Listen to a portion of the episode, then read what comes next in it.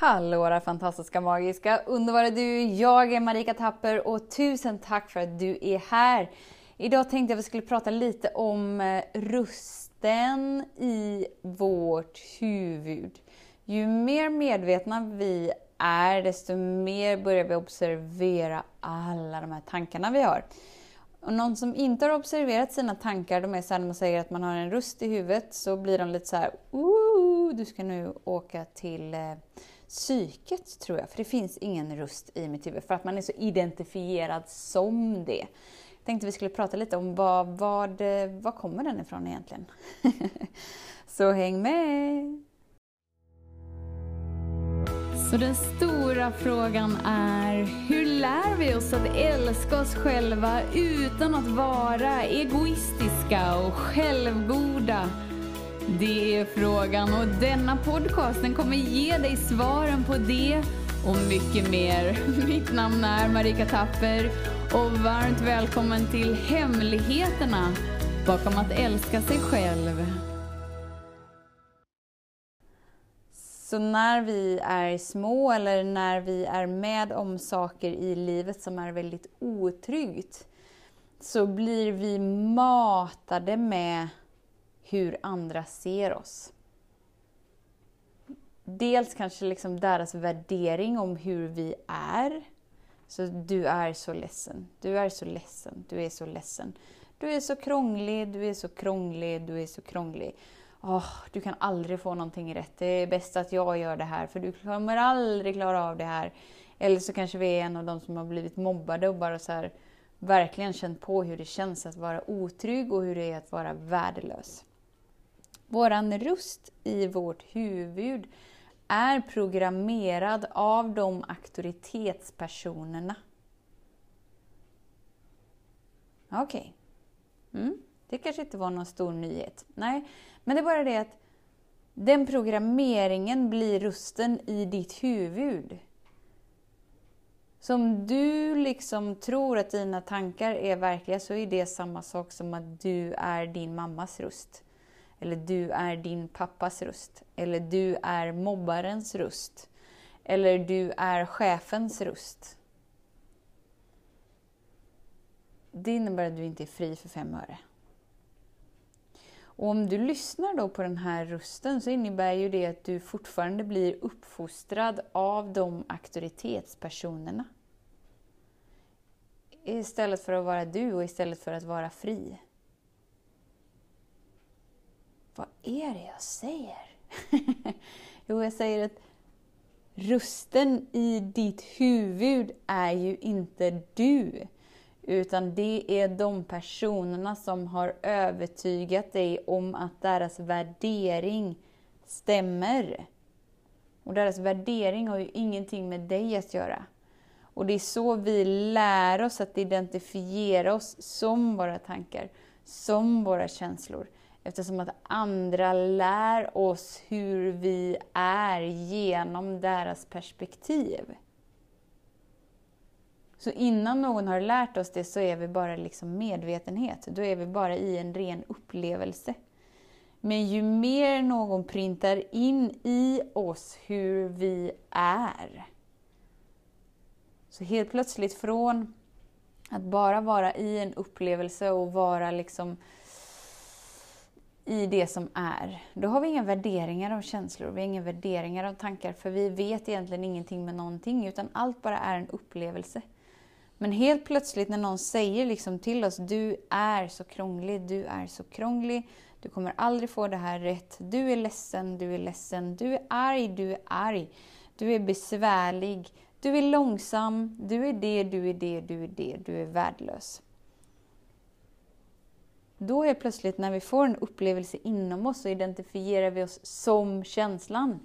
Jag är ledsen. Ja, men så måste det vara. Det måste vara att jag är ledsen, för det är ju det jag får höra hela tiden. Så omedvetet så börjar vi identifiera oss som våra känslor. Jag är arg. Istället för att bara ilska och rädsla och sorg bara är en upplevelse, så blir vi känslan. Och när vi säger jag är rädd eller jag är ledsen eller jag är arg eller vad vi nu intalar oss att vi är, så blir vi den upplevelsen. Vilket gör att vi tappar vår medvetenhet. Hur kan vi tappa vår medvetenhet? jo, för att du identifierar dig med det som är. Det är inte att medvetenheten försvinner, men så fort du identifierar dig som en begränsning så har du inte upplevelsen av hela dig.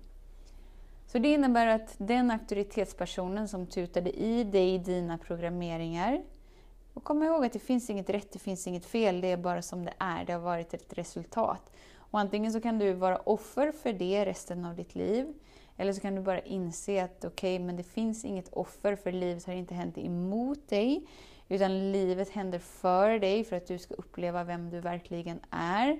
Är alla tillvägagångssätt så himla sköna, härliga, nice? Absolut inte. Men du är ju ändå här. Och jag antar att du ändå är hyfsat vuxen på ena eller andra sättet.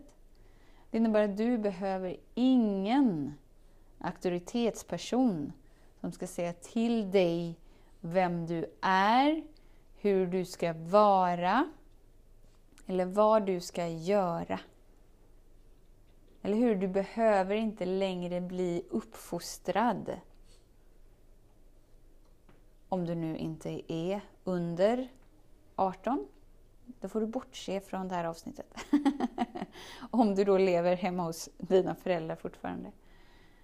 Men annars har du ju inget behov av att vara uppfostrad av någon. Du är liksom fri från den skolan. Men så länge du lever ut efter att dina tankar är sanna så blir du fortfarande uppfostrad av dina föräldrar, eller av mobbaren, eller av chefen. Och varför skulle du medvetet välja det? Så fort vi blir medvetna om någonting, då kan vi skapa en förändring. Så att vara medveten är att rikta fokuset till där du innan varit omedveten. För att vara utrymmet där inprogrammeringar får förlösas igenom dig.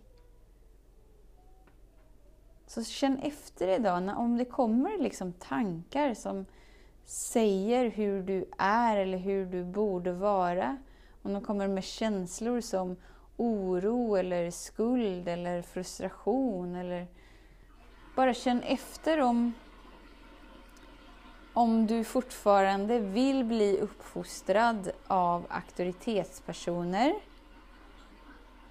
Eller om du är redo att vara skapelsen som leder dig in till det du vill uppleva. För när du lyssnar på dina tankar och dina känslor så har du inte förmågan att vägleda dig till det du vill uppleva, utan då faller du offer för hur det har varit. Så det är ett val och det är du som väljer inom dig.